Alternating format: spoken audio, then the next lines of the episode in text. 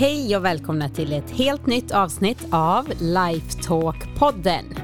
Med mig Karin Haglund, kost och hälsocoach och min man Anders Haglund, transformativ mental coach. I den här podden får du svara på frågor inom personlig utveckling och mental hälsa. Hur du lever ett bättre liv helt enkelt, inifrån och ut och blir den bästa versionen av dig själv.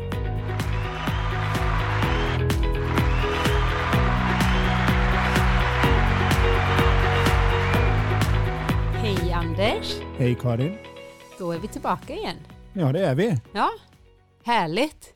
Ja, det har varit en eh, långt sommaruppehåll nu, känns det som. Ja, det har det. Och ett långt sommarlov. Tycker det var ovanligt långt sommarlov för våra barn. Nästan två och en halv månad. Mm. Jag vet inte om det är så i hela landet eller om det var bara just eh, våra som fick lite extra ledigt. Börjar liksom lite tidigt och är tillbaka lite senare i augusti. Mm. Så de har ju faktiskt inte börjat än. Nej, Fortfarande lite så. Men eh, ja, hur har sommaren varit?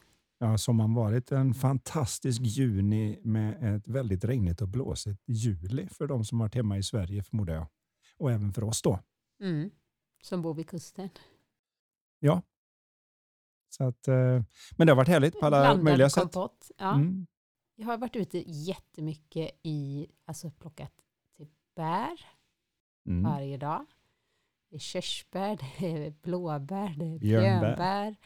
Och det är så lyxigt. Vi har cyklat massor. Vi har eh, eh, fiskat Fiskat krabbor. krabbor. Och, Ja, du tänkte på samma sak. ja. Och stora killen har kört mycket skateboard. Mm. Tagit sig runt lite själv. ja, så är det ju. Tåg och busskort.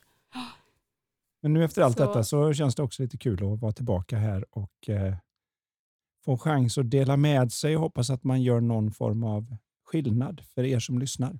Mm. Och du har ju en annan nyhet tänkte jag säga. Men eh, nyhet i online-format. Ja, vi spelade ju faktiskt in när jag körde att brinna utan att bränna ut sig. Så nu finns den tillgänglig i vår webbshop. Så kan man få titta om hur ofta man vill och så har jag spelat in ett par extra videos till den också som ett litet utlägg förutom då den där tre timmars föreläsningen. Och tre timmar föreläsning, man måste ju inte se ah, hela på en gång. Man kanske delar upp det på två kvällar till exempel. Ja, man tittar som man vill såklart, men eh, mitt eh, löfte är naturligtvis att man eh, känner att det går, tiden går fort, för jag gör ju vad jag kan för att presentera det här lite djupa materialet på så skojigt sätt som möjligt. För Mm. Man lär ju sig bäst när man är avslappnad och mår bra och skrattar. Det är någonting som, eh, det har du alltid sagt till mig, men jag tänker på skolan. Mm. Det här med att när man får in lite lek och gör det roligt, Ja. undervisningen, så lär man sig på ett helt annat sätt. ja, det är ju det barn gör. De gör ju nästan varje sak till en lek. Och när de leker in och skrattar och har roligt så lär de sig jättefort oavsett om det är spelregler eller om det är när de håller på med sina telefoner och skärmar som man kanske är mindre nöjd med. Men Mm. hur galet fort de lär sig när de är i ett skönt tillstånd. Medan när man känner press och stress och lite oro eller Man måste sitta still, man måste eh, kanske inte sträcka på ryggen, så, så är det väl inte nu för tiden i, i skolorna. Men just det här med att det är just nu ska vi lära oss det här. Ja. Och så är det liksom ganska snävt. Och det är ju hur det svårt, det är svårt att göra på något annat sätt eftersom har du jag vet inte, 20-25 elever och ska gå på vad alla de vill så blir det ju kaos naturligtvis. Så att man är väl tvungen att säga att idag är det matte vid den här tiden. Men då blir det ju väldigt viktigt för just läraren att klara av att bortse egentligen från vad innehållet i lektionen ska vara och mera se hur gör jag det så relevant och så roligt att de, precis som barn alltid gör när de gör något kul, säger igen. För om de då gör det igen så går det barnsligt fort att lära sig innehållet. Så om man ser det som den huvudsakliga och viktigaste steget så kommer innehållet fixa sig. Men om Och man skapa ser en skön stämning i klassrummet till exempel. Ja. utan det så låser vi ner allihopa. Det finns ingen som lär sig bra eller tänker bra när vi är lite pressade på något vis eller har för mycket mellan öronen. Si. Mm. Nu ska vi ge oss in på de frågorna här för dagens poddavsnitt, eller vad säger du? Ja, jag kanske bara Är skulle säga en Ja. sak som jag glömde där borta. Det är det att jag bara sa att det finns i webbshoppen, men det Just hittar det. man på shop.lifevision.se för er som lyssnar och tänker att ja, men du, jag skulle höra lite hur det är när du inte bara sitter och svarar på frågor, utan när du föreläser om de här sakerna. Den handlar ju specifikt om hur vi hanterar kanske något av det som är den största utmaningen i dagens värld. Och det handlar ju om stress och hur man ändå kan hålla sig produktiv och få någonting gjort. Och, eh, så att man både brinner, men utan att bränna ut sig, vilket är skälet till titeln. Då. Väldigt Men nu ska jag bara titel. säga att det är shop.lifevision.se där man Mm. hittar den. Så det är eh, avklarat lite plugg-plugg. Och det är kanske ännu lättare att bara, man kommer ihåg andershaglund.se och klickar man in sig där så finns det en i menyn, shop. Då klickar man där, så det tror jag nästan den ligger överst.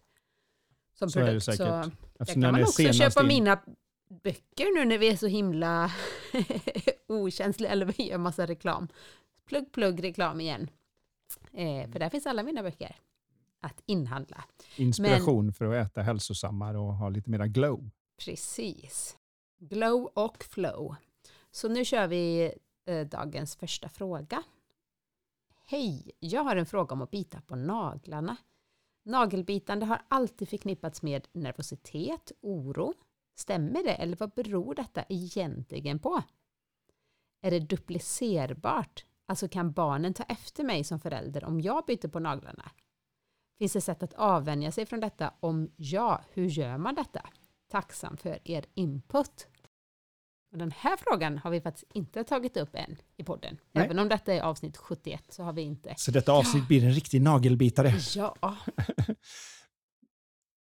Jag har ju hjälpt ett eh, ganska stort antal människor som har bitit på naglarna. Och det är fascinerande för mig som då inte någon gång har lärt mig att bita på naglarna. Eh, Så jag har aldrig gjort det egentligen. Hur mycket oroliga tankar som ligger kring det. Jag menar allt ifrån chefer som säger att de sitter och tänker på att de håller eh, händerna i knät. För att de vill inte visa att de biter på naglarna för de har då fått för sig att den som sitter på förhandlingsbordet på andra sidan eller på enställningsintervjun tänker att har du inte ens kontroll på det så har du inte kontroll på annat. Och de har massa tankar om vad det innebär om dem som personer, att de har bitit ner till nagelbanden. Liksom. Så att det är inte bara det att de kommer, de som har kommit för att få hjälp med att sluta med det här, de kommer inte för att jag vill ha bättre naglar, utan det är för allt tänkande kring det som många då har om att vad betyder det för mig och jag vill inte göra det. Och sen har man ju då den rent fysiska biten med att biter man för djupt och det börjar blöda så kan man få in bakterier från både munnen och andra ställen och så blir det jobbigt. men jag tänker också det här, det är ju väldigt sällan tänker jag, jag har inte heller bitit på naglarna så jag, det är därför jag inte riktigt heller kanske superinsatt i detta, men man går ju kanske inte och tvättar händerna jättenoga innan man börjar bita på naglarna, för det är inget medvetet, utan det är ju väldigt omedvetet, lite sådär, ja, vad det nu beror på, kommer vi Mm. säkert in på. Men så jag tänker också hygieniskt att öh, man får i sig en massa bakterier in i kroppen liksom. Jo, när det då gäller det här med att man biter på naglarna så mycket riktigt så är det ju ofta att det är ett vanemässigt beteende som uppstår när man vill dämpa sin egen oro. Det är ganska vanligt att det blir så. Det är som när någon sitter och hoppar med ena benet eller någonting. Det är ju oftast säger folk att jag bara gör det. Nej, men det är någonting som pågår inne i huvudet. Det var en sak som jag själv var skyldig till. Vet, att jag satt Mm. och studsade med ena benet. Och även som då frågan är så har jag nog tagit över en del av det, för jag vet att min pappa gjorde alltid det. Så det är klart, man ser ett visst mönster. Vem var det jag pratade med om det? Jo, det var i varje fall någon som när han stretchade på morgnarna, han hade lite så, inte yogaprogram, men ett stretchprogram. När han då skulle böjas ner så gjorde han liksom så det blev, "Åh!" det blev ett visst litet stön och så hade då hans dotter ville vara med och stretcha pappa. Liksom. Mm. Och så berättade han då när, när han gjorde det så böjde sig hon ner. Hon var ju smidig, hon var ju inte så gammal då. Så böjde hon sig ner så här och hade inga problem med det. Men hon gjorde också så här, ah! för hon trodde att det var så man gjorde när man stretchade, för pappa gjorde det ljudet. Gud vad gulligt. så han, han, hon trodde liksom att stönet ingick som en integral del i stretchingen och inte som Mm. ett jag är stel. Mm. Så det är lite roligt. Så det visar hur mycket vi härmar i varje fall. Så självklart finns det en komponent av att om man har folk omkring sig som biter på naglarna så ökar risken att man biter på naglarna. Men oftast är det bara att man har det lite som en ovana. Man sitter, eh, vissa lyfter på telefonen och vrider på den och det finns någon app som visar hur ofta man vänder upp och tittar på den. Och Det kan ju vara en del som har upp mot 500 gånger på en dag och bara vänder upp telefonen och sånt där. Det är den moderna varianten på nagelbitning tror jag. Att det, det är något som inte känns riktigt bekvämt, men lite uttråkad. Tugga, bara har någon det? liten Var det inte när man gick i skolan också? Inte tugga, sudd, vad gjorde man med suddgummi? En del. Eller satt, tuggade de bara det? Nej, Ja, vet på den här pennan du vet med lite Mm, suddgummi Man satt och i. tuggade på Just blyertspennan. det, på blyertspennan. Ja, Mm. tugga på blyertspennan. Det är också en sån där grej. Så det, det är ganska Mm. vanligt. Så att det finns lite olika skäl till varför man gör det. Vad det gäller att bli av med det så har jag märkt att en del klienter som jag har hjälpt med deras vanliga välmående rapporterar att några veckor in så säger de jag har slutat bita på naglarna. Har det att göra med våra samtal? Vi har inte ens pratat om det. Mm. Så det är någonting som händer bara när man börjar bli medveten om prompten i känslan. Så att känslan istället för att göra att man omedvetet för handen upp till munnen så känslan gör att jag blir medveten om att ah, just det, det är nu jag gör det. Och så är det plötsligt inte en issue. För att hjälpa till så finns det lite tekniker, mentala tekniker man kan göra för det här. Nu är det svårt i det här mediet att visa hur man gör det naturligtvis, men för den då som har ställt frågan och förhoppningsvis lyssnar på det här, så vad man gör om man vill hjälpa sig själv, för det är så omedvetet att ofta kommer man ju på efteråt att nej, det är lite som om jag skulle be någon av er som lyssnar på detta att är du högerhänt så från och med nu så öppnar du alla dörrar med vänster hand. Och så har vi ett bett om att du klarar det eller inte. Så kommer du inte klara det, för rätt vad det är så öppnar du den med höger, för det går bara vanemässigt. Så då behöver man också ha en lite grann av en omedveten varning för att klara av det. Och Då kan man skapa det genom att man antingen blundar eller gör det i verkligheten, att man för upp handen som om man skulle bita på naglarna så man vet hur det ser ut. Jag till exempel sitter och tittar på min dataskärm och så för jag upp handen så att jag i ögonvrån ser att handen är på väg upp. Så jag har en liten bild av en hand som är på väg upp. Och Sen gör jag upp min lilla idealversion av mig själv. Som är att jag ser mig själv, inte bara det att jag inte har bitit på naglarna och har fina naglar, men just allt det här runt omkring som det kanske innebär att jag känner mig som en tryggare, säkrare person. För jag funderar inte längre på om andra dömer mig för att jag tuggar på naglarna eller vad det nu än är. Och så när jag ser den framför mig så ser jag först den här bilden av hur anden är på väg upp och så precis när den är på väg så gör jag ett snabbt byte till idealbilden av mig själv. Vilket gör, om jag gör den tre, fyra gånger så att jag ganska snabbt gör det här, jag, nästan som ett litet whoosh, så man tar bilden av handen som är på väg upp och den ser jag från mina ögon. Och så tar jag bilden av mig själv som jag ser som om någon tog ett foto av mig där jag är som jag vill vara, vad det skulle innebära för mig. Jag har slutat bita på naglarna. Och så låter jag den där bilden med handen som är på väg upp, den bara krymper ihop till en liten, liten punkt som en knappnålspunkt. Samtidigt så vecklar den här bilden av hur jag vill vara ut sig istället. Och om man prövar att göra det fyra, fem gånger och så kan man testa. Man öppnar ögonen och så för man lite medvetet upp handen mot ansiktet och så ser man om när den dyker upp i samma läge i ögonvrån som den brukar. Om det automatiskt vuschar fram bilden av hur jag skulle vilja vara, för då får jag så att säga en automatisk påminnelse. Så att när jag sitter där och inte ens vet om att jag gör det, så när handen väger upp så blir det just det, det är ju så jag vill vara. Så man säger till hjärnan så här, se det här, inte det, det här istället. Det är så, man, det är så hjärnan egentligen lär sig allting. När den förstår att luta dig inte så mycket för då ramlar du och slår dig. Du vill stå upp och hålla balansen istället. Det här kan man använda även när jag coachar idrottare som vill klara av en ny teknik eller vad det nu än är. Så man ser det att ja, just det, jag brukar ju utan att tänka mig för göra så här. Ja, men se hur det händer och så gör du den, krymper du ihop den och så blåser du upp den nya tekniken fort. Så att den, det gamla felet blir prompten för att göra det som jag vill göra. Men nu låter detta jättelätt. Det här är ju NLP för er som undrar och du har ju jobbat väldigt mycket med det. Så du, för dig är det superenkelt. Men jag tänker man kan ju testa men annars så det finns ju många idag som jobbar med NLP. Så hittar man någon som är duktig Så kan man få till dig. hjälp just så kan man få med hjälp och bli guidad liksom exakt. hur det ska gå till. ja. Men jag, jag försökte förklara det så enkelt jag kunde med all den erfarenhet jag har. Att från sina egna ögon se hur handen är på väg upp och göra det jag då vill sluta med. Och innan den hinner fram så krymper jag ihop den bilden och ersätter den med en bild som växer upp och blir stor, så där härlig, så man tänker ja, så vill jag ju. Mm. Och ju, ju mer äh-känsla jag har till den första och ju mer yes-känsla jag har till den andra, ju effektivare för nervsystemet blir det. Att, eh, och det här är ju samma som när vi får barn att göra som man vill. Att ju mer du får ett kraftfullt beröm när du gör rätt, ju mer kommer de att vilja göra det. Att se den bilden av sig själv med fina, välklippta, manikurerade naglar och verkligen ha den här känslan av att yes, det är den som är belöningen som gör att det sätter sig i nervsystemet så att nästa gång när han är på väg upp så säger han nej det vill jag inte, jag vill ha det. Det är en ganska omedveten vana, alltså eller ovana då kanske man ska säga. Så att det är ju inte medvetet någon sitter och tänker jag har inget att göra, jag ska nog bita mina naglar. Sen finns det de som kanske inte har ont av det och så finns det de som känner att nej men jag vill verkligen sluta med det här. Dock så kan en del vara, tycker jag i alla fall som jag kommer i kontakt med, lite hårda mot sig själva. Att de tänker varför gör jag det? Ingen annan, eller det är ju massa andra som gör det, men de kanske runt omkring sig gör ju det. Och varför kan inte jag bara sluta? Och nej, nu gjorde jag det igen. Och nu fick jag en infektion. Och så liksom trackar de ner sig själv och då blir man ju kanske mer orolig och stressad och så då tar man ju ofta till det där. Så byter man ännu mer så det blir som en negativ spiral. Ja. Medan som man kommer, till exempel då som du har upplevt då att människor som blir coachade av dig höjer sitt mentala välbefinnande, blir lugnare, hela nervsystemet liksom fungerar bättre. Och så märker man att oj, jag har ju liksom inte bitit mina naglar. Det är häftigt. Så vara lite snällare mot sig själv, att det är en oskyldig ovana. Det är väldigt kontraintuitivt det här med att man faktiskt lär sig snabbare om man är snäll mot sig själv än om man är hård mot sig själv. För att det vi har lärt oss, i varje fall min generation, det var ju att man ska vara stentuff mot sig själv. Så annars så, om man inte är tuff så blir det ingen ändring.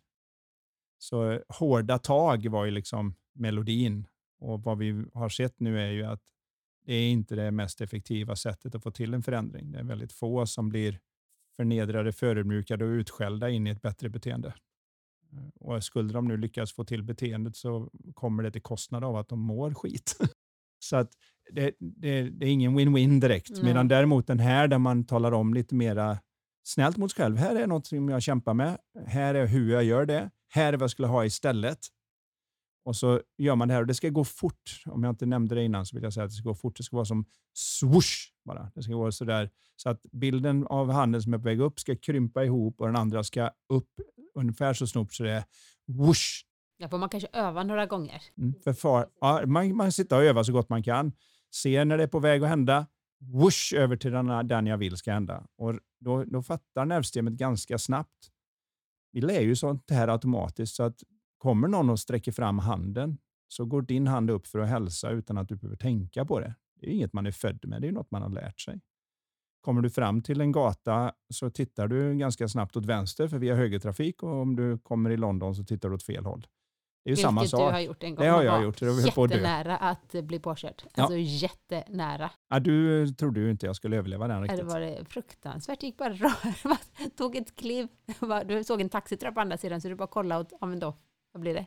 Jag kollade vänster så som man brukar och tog klivet rakt mot taxin för det var jättesvårt att få tag på en taxi den Londonkvällen. Ja. Alltså du bara, jag tror att jag, hann jag ta tag i din jacka eller någonting och drog bak dig? Eller om, Nej, den bara missade mig. Liksom... Jag hade liksom- sån tur så jag gick med någon centimeter framför nosen och knät. Så att, ah, men det var, det var millimeter på G. Swooshade till där också. Men, ja. eh, men oavsett så hoppas jag att det här ett kan visa på att det här gör vi ganska oskyldigt. Vi kan vara att vi härmar och oftast är det att vi på något vis känner av den där lite lätta känslan av lite uttråkning, lite ångest, lite låg känsla bara och så promptar det precis som att lyfta på telefonen och kolla om det bara finns något. Så promptar det och tugga till på nageln och då kan man tala om för nervsystemet att nej, det vill jag inte längre göra. Jag förstår mm. att jag gör det. Jag är snäll mot mig själv, så nu gör jag nog en, säg, fem, sex, sju, åtta repetitioner av det här. Och Sen testar jag och lyfter upp handen för att bita och ser om det utlöser bilden. Gör det inte det, repetera. Det är lite som en schampoflaska där det står blöt ner hår, löddra, skölj ur, återupprepa tills du är nöjd med resultatet. Det är lite samma här. att eh, Gör det inte en gång till, ja, det funkar inte på mig. Nej, nej, bara, jag lovar, nervsystemet fattar, men du behöver kommunicera med det. Och de basdelarna av hjärnan har inte språk än. Det, det är tidigare än det. Det är därför bild funkar, för det har ju funnits så länge vi har kunnat se. Och Det är därför det är effektivare att se hur det gamla beteendet krymper bort och hur det nya beteendet expanderar upp. Och det, då pratar du så att säga med den gamla hjärnstammen där allt det här sitter. Via bilder. Via bilder, för det fattar den, men den förstår inte det. Sluta nu, det här är dumt, du borde inte hålla på så här, kan du fatta någon gång? Då säger liksom den delen av hjärnan bara okej. Okay. för mm. för den, den, den var innan språkutveckling. Och den ligger kvar, för evolutionen kan inte ta bort gamla saker, utan de ligger kvar som rudimentära system där bakom. Och det är jättebra. Det, kan man använda vi, det? Ja, då kan man använda sig av det om man bara förstår hur man kommunicerar för att få det resultat man vill ha. Spännande. Då går vi vidare med en annan fråga här som gäller lite nu nystart inför hösten. Tack för en bra podd. Jag har haft en så skön sommar och känner mig verkligen utvilad efter att ha tagit det lugnt, vilat mycket, tagit dagen som den kommer, sovit ut, läst en massa, promenerat och laddat batterierna. Känner mig både redo att börja jobba igen men samtidigt inte. Vill inte tillbaka till ekorrhjulet med mycket tidspress och produktivitet. Skulle vilja gå ner i arbetstid men just nu går det inte rent ekonomiskt. Har ni några tips till mig? Och detta är från Sara. En väldigt passande fråga mm. som vi fick här nyss. Det är den där berömda grejen med hur man än vänder sig så har man rumpan bak. Eh, det är svårt att kombinera tidsnedgång med samma inkomst. Mm. Självklart går det. Det finns ju alltid någon som tjänar mer på per timme. Och man, det första man ska komma ihåg är att man får inte betalt per timme. Många säger, vad tjänar du i timmen? Eller vad tjänar du i veckan? Eller vad tjänar du i månaden? Vi, vi, vi tar det som ett tidsperspektiv. Men vi får inte betalt per timme. Vi får betalt för det värde vi stoppar i timmen. Så klarar jag av att ge ett råd i en timma som är värt en miljard, då kan jag tjäna en miljard på en timme. Om någon anser att du, det där rättar till allt för oss. Om I andra sidan, som egenföretagare, kanske inte som anställd. Nej, men det kan vara på, på nästan på politisk nivå, det är klart. Men även som, som anställd, om du börjar ha ett antal sådana där så kommer de ganska snabbt höja dig uppåt i ranksen för att mm. dina idéer savar hela organisationen. Men jag, vad jag vill få fram är att man får betalt för det värde man bidrar med. Inte, man får inte betalt i timmen. Det är inget magiskt med timmen. Då finns det ett par olika sätt om man vill ha. Antingen får man ju då bidra med lite värde fast det är väldigt många. Så om jag bygger en app och så tjänar jag fyra kronor på den, säljer den för nio kronor på App Store eller någonting och så får, får jag fyra kronor och så är det utvecklingskostnad och så ska Apple Store, App Store ha sitt och så där. Så jag tjänar fyra kronor. Men det är klart, har jag hundra miljoner människor som laddar ner den appen, för den var jättebra den här som till exempel jag laddade ner för ett tag sedan, en svampigenkännare när vi hade fått lite svamp i stugan. Man ville veta, är det giftigt, är det ätligt? Jag är ingen expert på svampar. Det var jättebra mm. att ha någon sån här AI-app som man bara höll kameran och cirklade runt den lite och så talade den om, det här är en sån här. Det här är en stolt fjällskivling som du har jämte din björk. Liksom. Ja, då, då kan jag klara mig ganska bra inkomstmässigt på den, för jag bidrar med kanske, inte så att jag skulle säga det är värt 10 000, men det var väl värt 12 kronor i App Store. Mm. Och betala för att få låsa upp. Och många upp. gör det då? Ja, då gör många det. Så det andra alternativet är ju då att man har ett massivt värde att bidra med. Man kanske har tre kunder, men alla de är villiga att betala 100 miljoner för det du har. Då är du också på samma sätt. Så, så finns det en glidande skala däremellan. Men det man får titta på om man då känner att man inte vill vara i det normala ekorrhjulet. Typ så finns det så många sätt. Nackdelen då är ju att ger man sig in i att vara entreprenör och försöka hitta hur man bidrar med värde, så är ju nedsidan den att om jag inte får till det så bra som jag hade hoppats på, eller jag kanske får kanske till det bra, men, men folk tror inte på att det är bra, då kanske jobbar jättemycket för lite. Ja. Det är ju så. Allting är, hur du än vänder dig så är det rumpan bak, du vet. Men jag tänker att det är bra för Sara här att ha en vision i alla fall. Att ja, men mm. just nu går det inte, men det kanske går om ett år. Att man vill, vet vad man vill. Att ja, men pengar är inte riktigt, jag behöver ha så jag klarar mig men jag skulle vilja gå ner i tid. Då ligger det där. Så sen kanske om eh, man skulle kunna prata med sin arbetsgivare, många beroende på vad, vad man jobbar med, kan jobba en del hemma. Det vet jag många som jag coachar tycker det är jätteskönt. De kanske jobbar två, tre dagar i veckan hemifrån.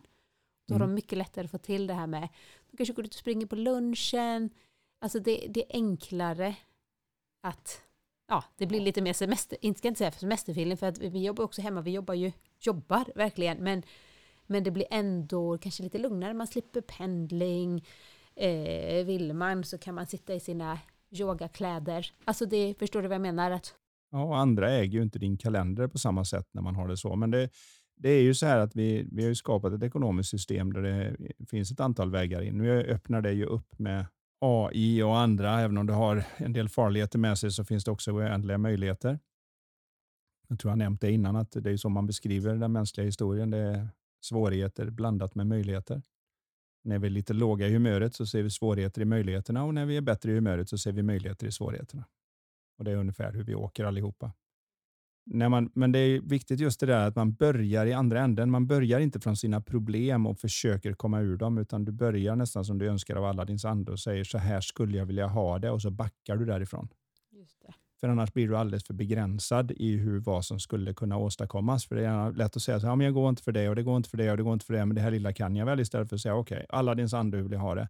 Jag skulle kunna jobba 20 timmar i veckan och av dem vill jag ha 10 timmar hemma och så vill jag kunna tjäna så här mycket och det. Och hur orimligt det än är, man så ger det i varje fall något där man har fått en idé som är bättre än jag vill inte vara ekorrhjulet, för det, det fattar vad ska jag gärna göra Nej, med det? Och då liksom? tänker jag, kan man då göra det du sa i för, föregående fråga, att man använder sig av bilder och riktigt ser framför sig. Hur är mitt liv när jag jobbar med 20 timmar i veckan? Hur ser det ut? Hur ser det ut när jag sitter där hemma och kan som sagt var gå ut och jogga på lunchen eller hur det nu är. Ju mer levande man gör det, desto mer ger man i alla fall en riktning. Så kanske man kommer att man jobbar 75 procent tack vare att man har satt den här målbilden. Så det är inte det att man måste tänka vad är det man faktiskt vill. Ja, du måste öppna upp för det som en del brukar kalla the big hairy goal. Liksom, där du, du tar bort alla dina begränsningar och svårigheter och sånt, utan bara säger okej, okay, jag fick uppfinna det som om jag hade Aladins ande med mig. Mm. Vad skulle jag ha sagt då? Ja, då vill jag ha det så här. Och så får man puff och så får man backa därifrån. Och så får man se. Det kanske inte ens går att ta ett steg just nu, det vet man inte, men du har minst satt bollen i rullning genom att ge då den här bilden. Och om du som du beskrev då lyckas se det framför dig ett livfullt, då kommer det med en känsla också. Den är till och med före att vi fick syn så har vi haft känsla för om det är varmt, kallt, mm. Eh, skugga, ljus och allt det där som gjorde att man överlevde en gång i tiden om nu tittar på hur det funkar evolutionärt. Så att får du med bilden och känslan, wow! Och sen kan du naturligtvis lägga till då en liten mening till det, men den är ju senare i nervsystemet. Just det. Den är mer medveten. Men jag tänker ändå jättehärligt här att hon har haft en så skön sommar, känner sig utvilad, för jag tänker det är det som är lite meningen med semestern. De som, särskilt om man upplever sig att det är mycket ekorrhjul, om man säger så, när det inte är semester, så är det så många som fortsätter med ekorrhjulet i semesterform. Har du tänkt på det? Alltså mm. man bokar in, man gör massa saker och det ska utvecklas och det ska målas om och det ska göras. En del älskar ju det, men här låter det som att hon har verkligen fått till och känner sig liksom att hon har laddat batterierna det jag tänker rent praktiskt där är att till exempel hon har sovit ut, hon har läst mycket, vilat och så vidare, tagit av som det kommer. Kan ju ett tips som jag vill skicka med där är att när då arbetet drar igång, hur kan man få in lite av de här semestervanorna i den vanliga veckan? Till exempel på helgen, att man låter helgen vara oplanerad. Att man sover ut på helgerna. Att man kanske förlägger träningen kanske på morgonen om man nu tränar. Så man kommer hem från jobbet och kanske kan vila, läsa en bra bok, gå till biblioteket, låna lite böcker, ha på nattduksbordet innan man går och lägger sig. Så man behåller de sakerna. En del läser ju bara böcker på semestern och tycker det är så härligt och de här äh, deckarna eller romanerna jag läser. Och sen läser de inte när de jobbar. Alltså det, jag älskar själv att läsa fysiska böcker innan man somnar. Det kan vara en, ett sätt det kan också vara ett sätt jag tänker på som jag har varit mycket i naturen och så som jag gillar att det är inte det att jag är ute liksom en hel dag och plockar blåbär. Det funkar inte riktigt med, med tre barn. Men jag kan säga att jag går iväg en stund och så har vi massa så här björnbärster precis och blåbär har vi på vår tomt. Så jag barnen kanske kollar på sina skärmar eller någonting. Sätter på mina gummistövlar och bara traskar upp på tomten och plockar en skål med blåbär. Sådana saker är ju enkelt att, att fortsätta med. Alltså komma ut lite i naturen, gå lite barfota för att jorda sig. Jag är inne på mycket nu, jag tycker det är jätteintressant. Jag går gärna ut som idag, jätteregnigt. Gick ut i våran trädgård barfota, kallt. Men har man en tröja eller jacka så är det liksom inte så kallt. Även om gräset är, blött och kallt. Då jordar man sig, så går jag en runt, runt eh, vårt hus. Plockade lite vinbär och plockade lite mynta som jag slängde i en smoothie. Så de där sakerna man gör kanske på sommaren, att man fortsätter att göra dem lite in när man jobbar. Förstår du hur jag menar? Ja då. Mm. Jag tycker det är en skön konst att faktiskt klara av att göra ingenting. Mm. Jag tror det är få människor som har haft en dag där de gör ingenting. Jag har nog Alltså, aldrig haft det. nej. Jag är inte bra på att göra ingenting. Nej, men det, det är du är bättre i att- alla fall. Ja, jag kan åtminstone stänga av en förmiddag eller någonting kanske och bara tycka nu gör jag ingenting. Men det är viktigt att låta hela systemet få gå lite på tomgång. Vi tänker inte på det kanske, men alla de här aktiviteterna, hålla igång och ut och göra det här och plocka och dona och grejer. Just att bara ge sig tillåtelse att göra ingenting också. Man känner igen känslan när man upplever sig lat snarare än att man faktiskt vilar. Men det, det är därför jag säger att det är en konst. För det är en liten fin knivsägg där och börjar bli så att man kanske inte får saker gjorda. Och att, men det är viktigt för systemet att få chans att bara göra ingenting. Du ser det i naturen. Speciellt med våra nära släktingar. Liksom. Att de, plötsligt så är de bara, ligger de där på en gren och så gör de liksom ingenting. Inte går och letar mat, inte leker, inte någonting. Man bara hänger. Det är ju många djur, jag tänker katter, hundar och så. Det är väl också mycket av ingenting. Det är vi lite sämre på kan man väl säga, så den mänskliga rasen. Men, och det innebär inte att man ska göra det varje dag eller att det ska vara så, men man behöver vissa sådana. Det är lite som ett pitstop för en racerbil och få bara kliva in och göra ingenting. Mm. Inte känna heller när man ligger där att ja, nu har jag 52 minuter ingenting. För då har det blivit en att göra-punkt. Precis. Utan ingenting är tills jag känner att det är dags att gå upp och göra något. Och, och det brukar faktiskt komma ganska, det är väldigt sällan man hänger där utan att man får en idé som känns att "Ja, men det, jag behöver nog Eller nu är jag färdig. nu är jag liksom. färdig liksom med att bara göra ingenting. Nu, nu vill jag upp och vara... Man kan ju säga så här, det är lite lättare om man inte har barn hemma att göra Ja. ingenting. För även, jag har ju haft stunder där jag känner så här, som jag har en hängmatta i stugan. Gud, den liksom ropar på mig. Jag lägger mig där en stund. Alltså, det, det hinner liksom inte det kolla lite på himlen. Det är en björk som är där. Ligger och kollar lite på trädet. Alltså, det tar inte en minut. Men mamma, mamma, mamma, åh! Och så är det någon som kommer och tar fart eller hoppar upp eller alltså. Ja, Ja, men då fick ju man, man såna, får vara glad är att man ju- fick liksom 45 sekunder av ingenting. Men eh, ja, jag är också väldigt känslig för ljud. Jag tycker det är mycket enklare att så här, alltså komma ner i, när det är tyst. Ja, nej, jag har lite lättare för att bara stänga av alltihopa, så jag hör ju inte ens. eh, Nej, vilket- det är du och Colin har den Ja, förmågan. Jag hör allt. Mm. Ja, jag- stänger av till både gott och ont, så kan man, hör man bara inte. Men barnen är ju just sådana som du beskrev där, att de, de, är inte, de är inte ens intresserade av hängmattan förrän man lägger sig i den. Då är det plötsligt, det är ju samma när syskonet tar en leksak. De har inte tänkt på den leksaken på tre veckor, men nu ska jag minsann ha den, för nu har du den och nu är den det viktigaste som finns i hela världen. Så det blir ju liksom den där, Mm. att när, vad ska du göra? Jag plockar lite blåbär. Jag tror jag jag också med och så är det ett projekt. ja, Liksom. precis. Eh, Men, det, men om vi pratar nu om det Ja. här med frågan här, Och hur så, man, hur man kan liksom, så vill jag säga då att det, det tips och råd, om du ska kalla det så, som jag har, det är just att faktiskt eh, börja med att säga, slutet i sikte. Att, att börja på änden och säga det här är hur jag skulle ha det och gärna fundera på det lite. Och låta det vara så, för att det ger en riktning åt hela nervsystemet, att däråt vill jag. mm, För att om jag börjar tänka på det för mycket och grunna på det för mycket, då är det lätt att se, här är jag, dit ska jag, gud vad långt det är kvar och det händer ingenting och så Det blir det som en idé. klubba i huvudet. Upp med målet, för det har man för en inspiration, att dit skulle jag vilja. Tänk vad gott det vore om jag kunde få till det. Men sen tittar man, när man väl mäter, då tittar man bakåt på hur långt man har kommit. För om vi jämför, liksom, det finns mängder med saker i ens liv som man inte ens någonsin skulle tro skulle finnas där om man backar till långt och för en del inte så långt. Och att man firar hur långt man har kommit och använder målet som en inspiration. Att vad kul det vore. De flesta gör tvärtom. De sätter upp målet och så bankar de som i huvudet med att de inte har kommit längre och borde vara längre. Och så är det som att de helt bortser från att de har kommit någonstans någonsin, för det var inget värt längre. Och då, då använder vi inte våra mentala fakulteter på ett sätt som inspirerar oss. Och det, det sättet som man vet om man använder sina tankar på ett vettigt sätt är att se om så att säga, ens humör går uppåt eller neråt. Så att om jag känner att jag så att säga, sänker mig på något vis, jag är lägre i humöret än när jag började tänka, då vet jag att jag så att säga, använder det på ett väldigt oanvändbart sätt. Och den känslan av att det sänker mitt humör är en skarp varningssignal att det är dags att ge upp den tanketåg jag är på. Mm.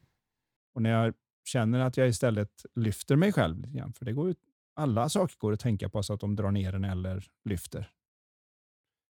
Och om man kan se att den möjligheten ens finns, då har jag en möjlighet att ta mig ur en spiral som är nedåtgående. För när jag väl är på väg neråt, då ser alla ut som idioter. Eh, hela världen är jobbig. Minsta småsak reagerar man på som en atombomb. Och, och därefter så blir, blir ingen glad, så att säga. Det är väl den. Börja med, börja med änden, fira framstegen. Mm.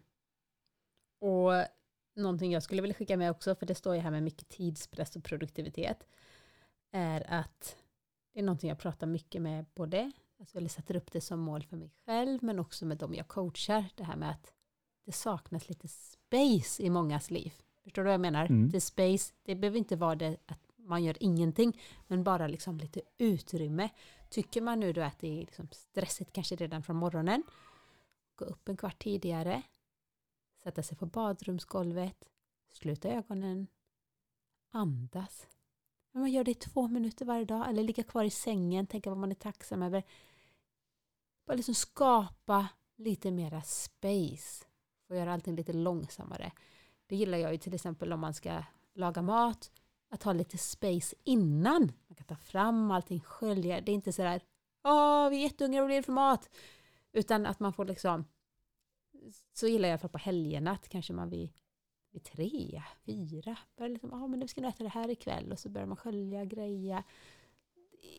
I så där man kan gå och lulla lite i det. Alltså att mm. skapa mm. lite space. Så att problemet är att folk bokar ju in, styckar upp hela dagen liksom, så det finns inget, inte ens om det händer något oförutsett så finns det liksom, då får man rucka på något annat, det finns inte den här spacen.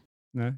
Jag satt med en kille från Belgien idag som Största problemet var att han tyckte jag har så mycket möten och ingen tid emellan att han inte gör det jag ska.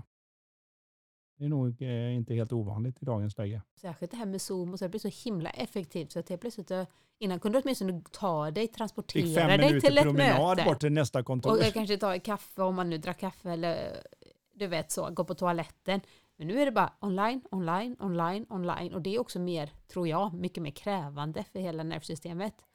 Ja, för du sitter ju nu och försöker få till alla de säga, mentala cues, jag vet inte hur jag ska förklara det, men när vi sitter med en annan människa så, så, förstår vi mycket mer vad det där höjda ögonbrynet betyder, den lilla flashen i kinden eller blicken neråt som jag inte får med på samma sätt när jag sitter på digitala medier. Och Det finns säkert feromoner och signalsubstanser som går ut. så att allt det där får man, man får liksom anstränga sig lite mer för att vara med i samtalet. Mm. Och, och det, det, är nog mer ansträngande än vad många tror att ligga där. Och där det är ju viktigt att få den där space, men det är inte alltid man kan få den därför man är i företagets agenda. Liksom. Du ska Just. vara med på det här och sen ska du ha det här och sen ska du göra det här. Det är inte alltid att du äger din kalender. Det är ju ett Nej. av skälen till att det är skönt att vara egenföretagare, även om det då har riskerna på nedsidan. Att mm. Får man inte till det så går det fort utför. Man kan liksom inte bara plocka ut lön och annat. Men i den mån man kan styra upp det hela så är det bra att ta ett snack med sin egen direct report eller manager eller chef eller vad man nu har för någonting och säga det att så här funkar det för mig. Jag tror jag kan leverera mer genom att göra mindre.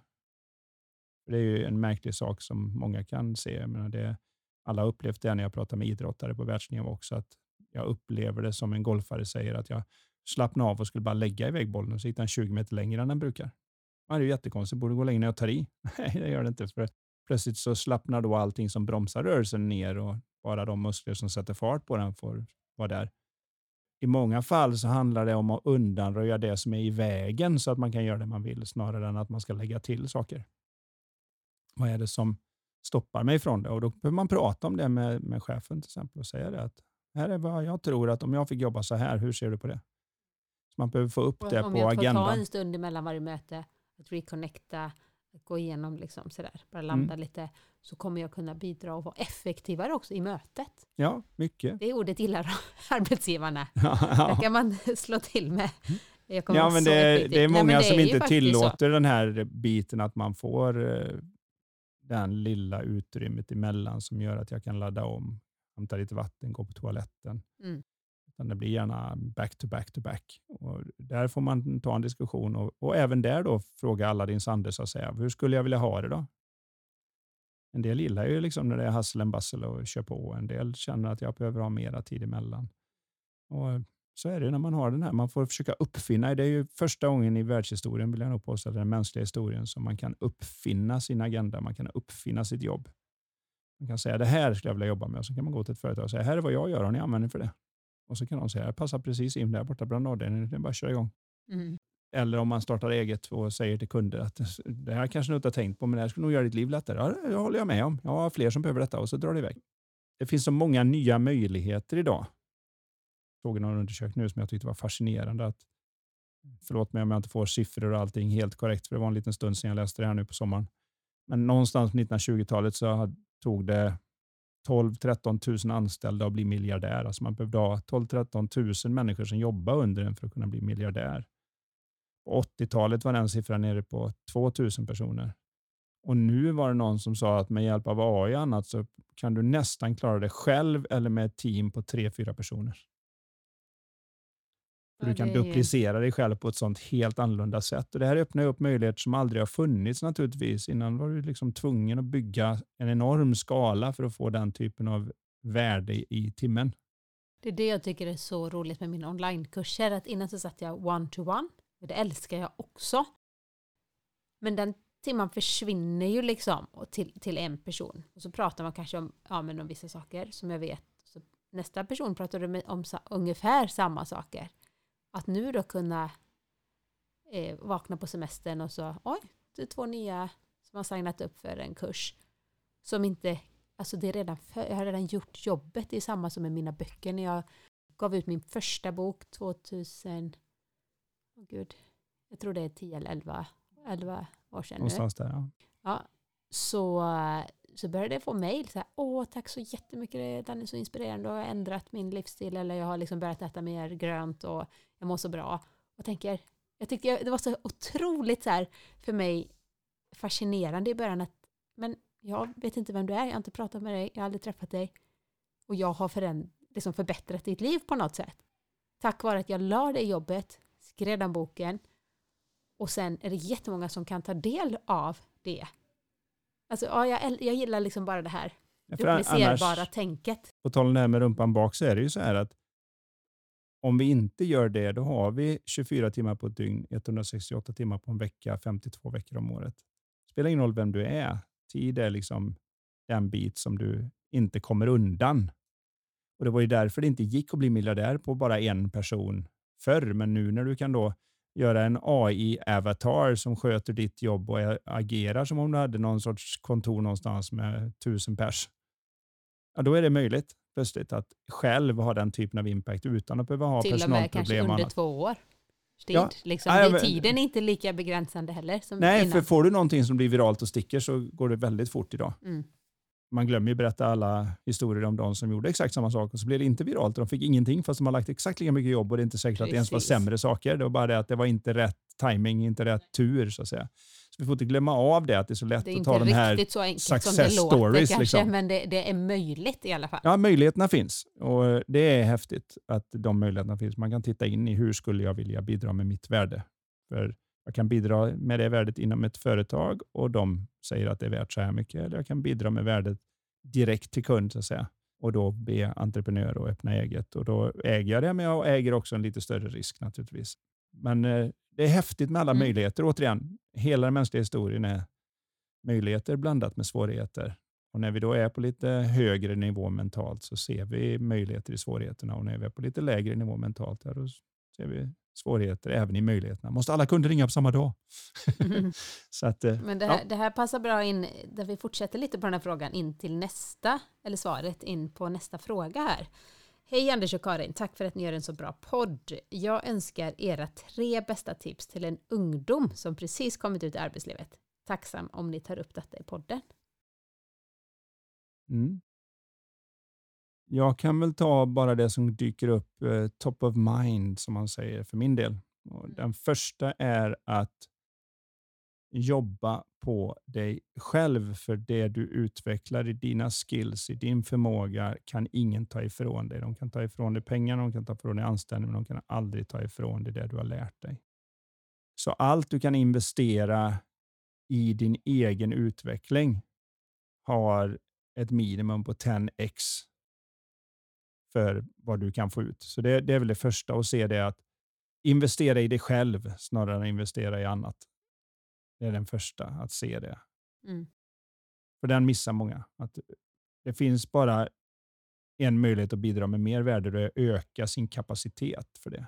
Precis som en idrottare gör det naturligtvis. En, en basketspelare eh, ska få ett proffskontrakt och han inte riktigt kan hoppa så högt att han kan dunka och annat. Då behöver han jobba på sin spänst med och styrka och vad det nu än är tills han klarar av det. Och så behöver man jobba på sina, och gör man det tillräckligt mycket så att man ökar den, och då kan ingen ta ifrån dig och då vill alla lag köpa in dig. Så då kan du bidra med mer värde för du har ökat ditt värde genom att jobba på dig själv och det kan ingen ta ifrån dig. Liksom. Så det är väl det första jag skulle säga till en ungdom är det att jag fick en sån här aha-upplevelse, det här är ju länge sedan, en, en, min barndomskompis tog med mig och eh, han hade, var väldigt duktig på judo och så drog han med mig och så blev jag intresserad av kampsport och så tränar man judo och så tittar man på annat och jag som är som jag är, jag började läsa massa böcker om det här. Och så var det då, fick jag reda på att borta i Japan, då var det skillnad, för här hemma så är det liksom, åh, har du svart bälte? Ja, då är man ju nästan klar. Liksom. Det var ju är svartbältare. Eh, Jag tror nästan alla kan känna igen det. Svart bälte i karate och svart bälte i livet och alla Är det judo också får man svart bälte? Ja, de flesta japanska, de som utgår från Japan, de har en, en serie där man börjar med vit för att visa att man är nybörjare och sen får man ett Gul. gult som talar om att du i varje fall har lite, lite erfarenhet. Och sen efter det får man ett orange och så ett grönt och sen så kommer det ett blått och så kommer det ett brunt och så kommer det nu ett svart bälte och det är det liksom, nu har du bevisat att du vet vad du håller på med, tänker de flesta. Men i japansk kultur så betyder det svarta bältet att nu har du kommit så långt att du kan börja lära dig. Gud vad häftigt. Vi ser det som slutet, de ser det som början. Mm. Och det var någonting i det som bara klickade till att det är lite samma med våran skolgång. Det kanske sorgligaste jag någonsin har hört var jag kommer ihåg när jag var på någon sån här eh, skolavslutning. Du vet, alla gick omkring med studenthattar och så såg man alla som stod på något flak och vrålade och så var det någon som sa Gud vad skönt att det är över, nu ska jag inte öppna en bok så länge jag lever. Det här är ju inte slutet. Skolan visar bara på en enda sak och det är att du åtminstone har förmågan att dyka, dyka upp på ett speciellt ställe i någorlunda tid, få ett gäng med uppgifter och lösa dem vid ett speciellt tillfälle. Då vet arbetsgivaren, okej, Och kan du, lite om ja, men du fixar allt. att vara lojal, du Ja. fixar att vara lojal, du kan dyka upp på företaget, du kommer i tid och jag säger, ger dig en uppgift så har du bevisligen någorlunda intelligens att du klarar av att lösa den. Men sanningen är att du inte lärt dig speciellt mycket. Det är ju nu det börjar när du kommer ut. Och därför är det lite sorgligt när de behandlar det som ett svart bälte. Jag har nu tagit min examen. Nu är jag klar. Istället för nej, Nu det är du nu det börja. börjar. Nu har, du fått, nu har du gjort det absolut viktigaste för att få chansen att börja. Det är nu du läser dina specialböcker. Det är nu du lär dig om hur du håller Kanske ordning på din hälsa. Det, ja, precis. Kanske hittat det du verkligen då tycker är kul och fördjupa dig lite mer i det. När man är ganska bred när man går i skolan och efter det så kan man liksom nischa in sig lite. Och även om man har nischat redan i skolan så är det att det är inte alltid du som väljer den kursen helt Nej, och hållet. precis. Men nu kan du välja kursen.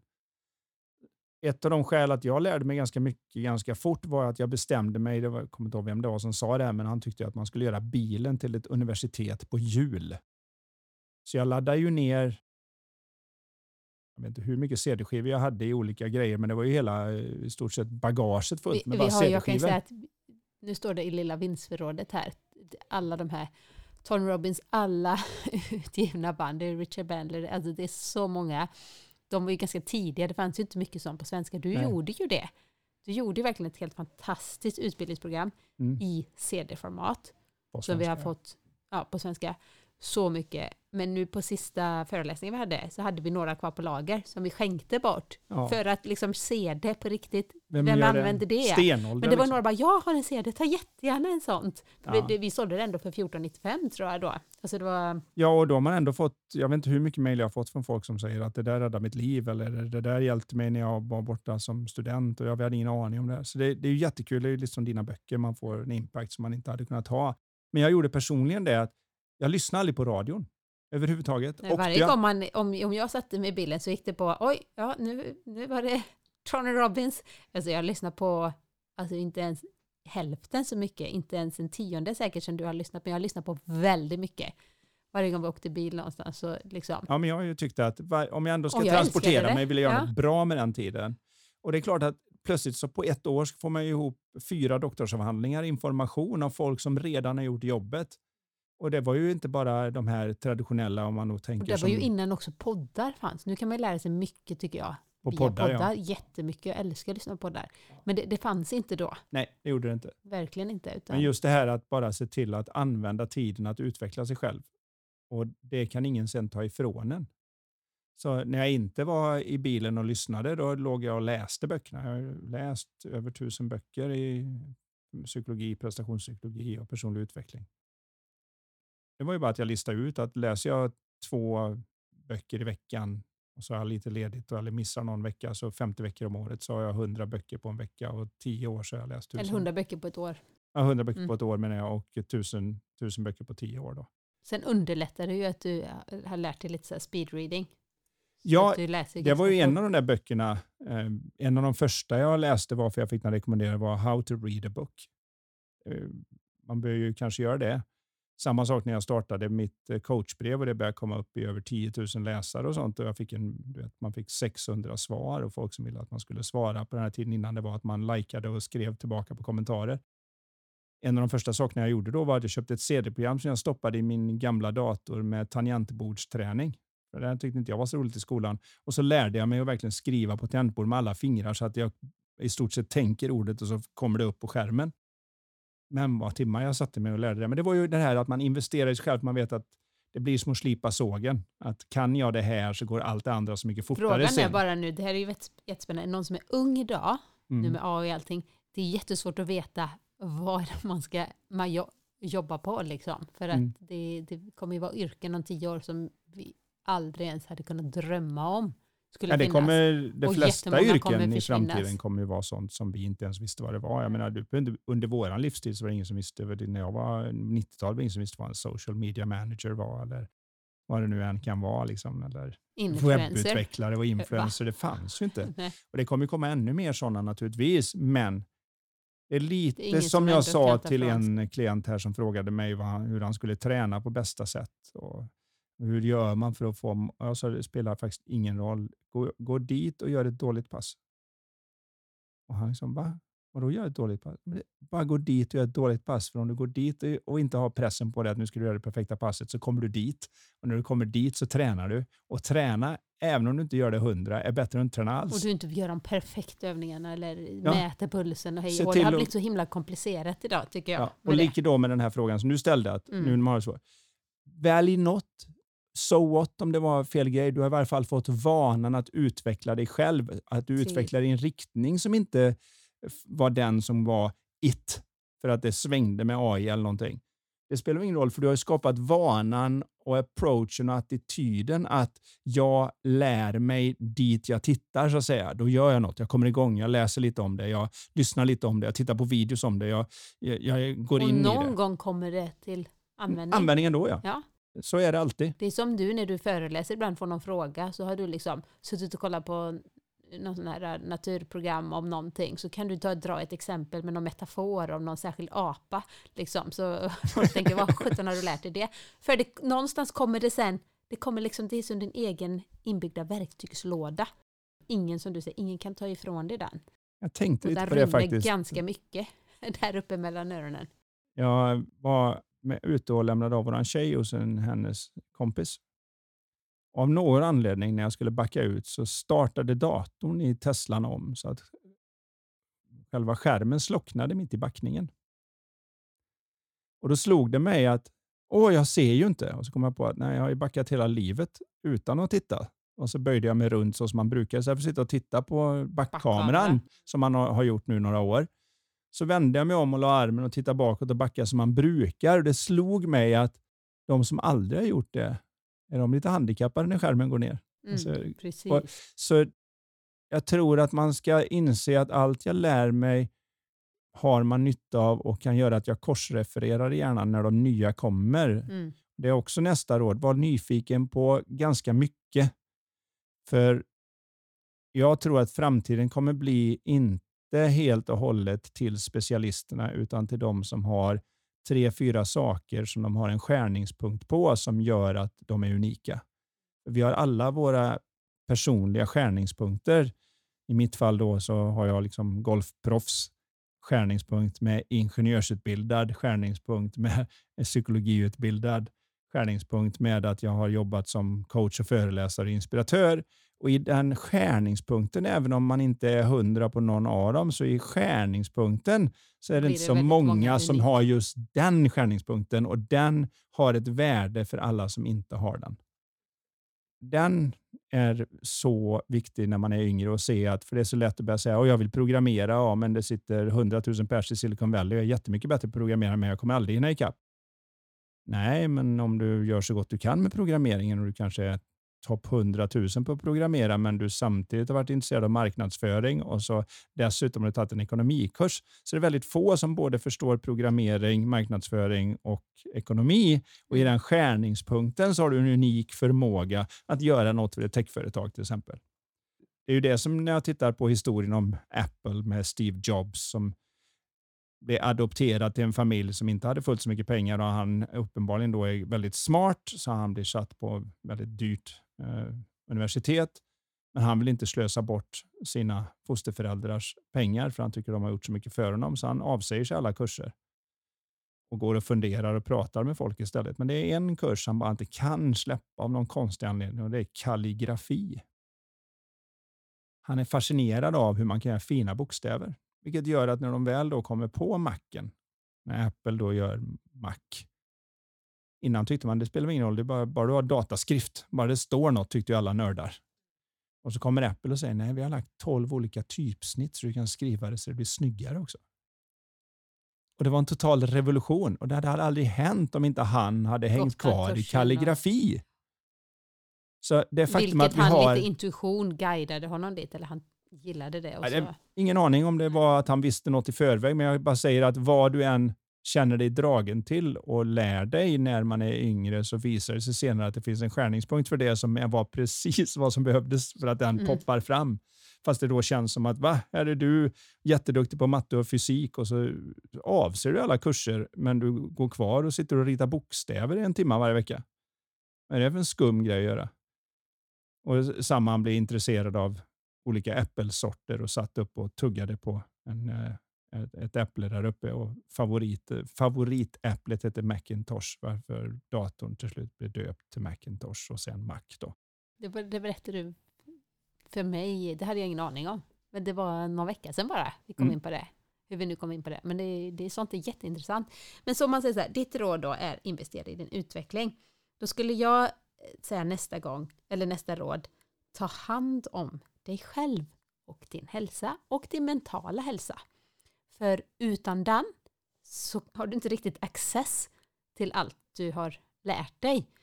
Och det är så många idag och det gör mig så alltså, ledsen faktiskt för att så många man hör som är 28, 27, 30 som har gått in i väggen, de är utmattade, eh, de är deprimerade, de har inte tagit hand om sig, de har liksom inte lyssnat in, de har bara kört på.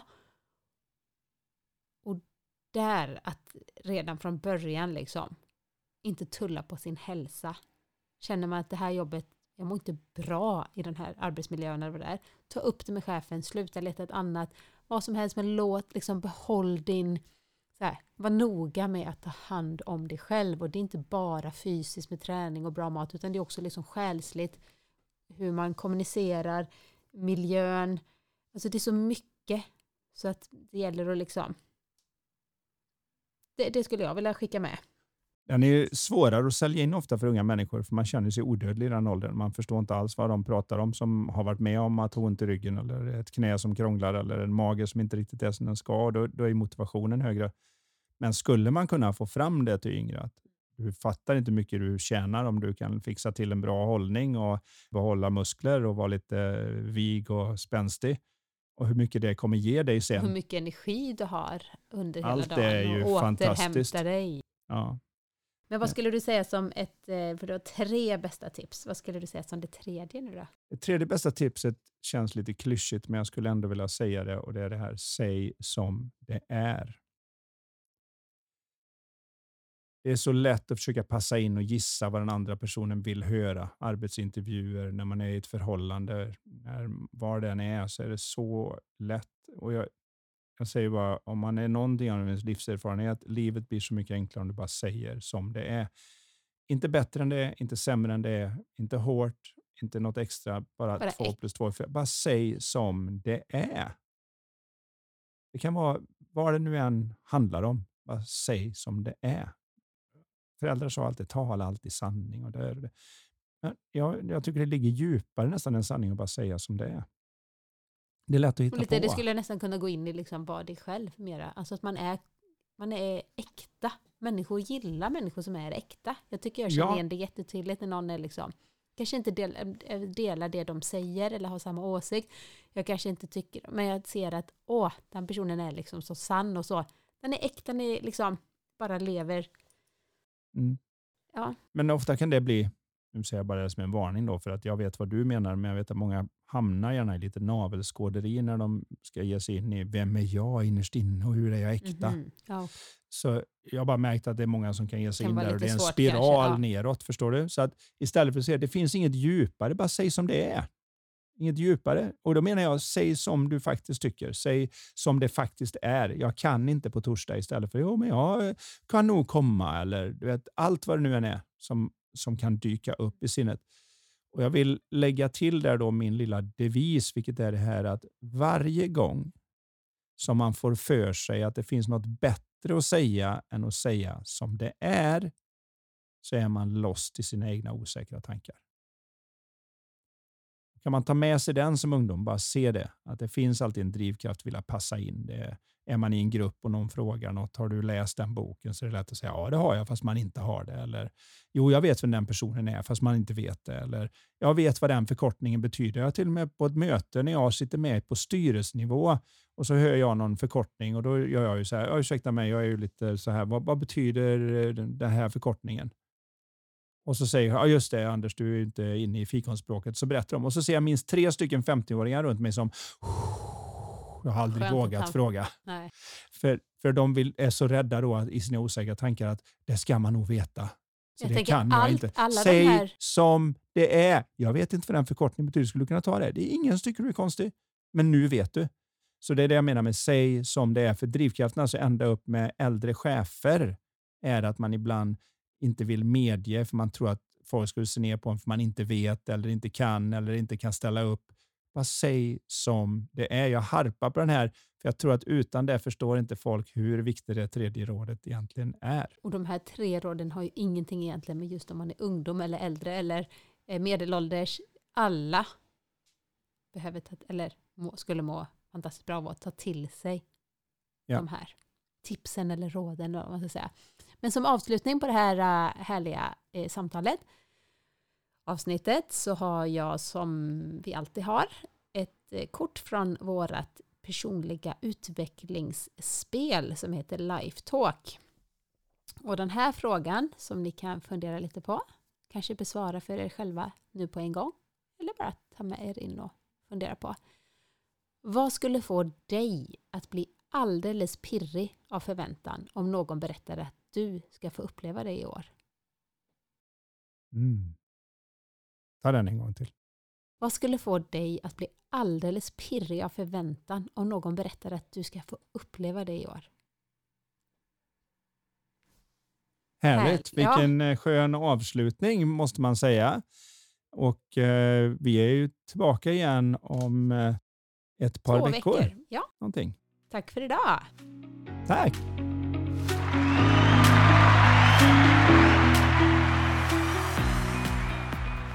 Du har lyssnat på Lifetalk-podden. Vi vore så tacksamma om du vill lämna ett betyg och eller en recension i iTunes. Dina frågor de kan du skicka till oss på lifetalkpodden.se. Spelet Lifetalk finns också att beställa där. Vill du komma i kontakt med oss rörande samarbeten, coaching, föreläsningar och event, då kan du mejla till karin.lifevision.se. Tusen tack för att du har lyssnat. Och du, gillar du podden? Dela den gärna vidare och tipsa om den i sociala medier. Låt oss tillsammans göra världen lite mer mentalt välmående.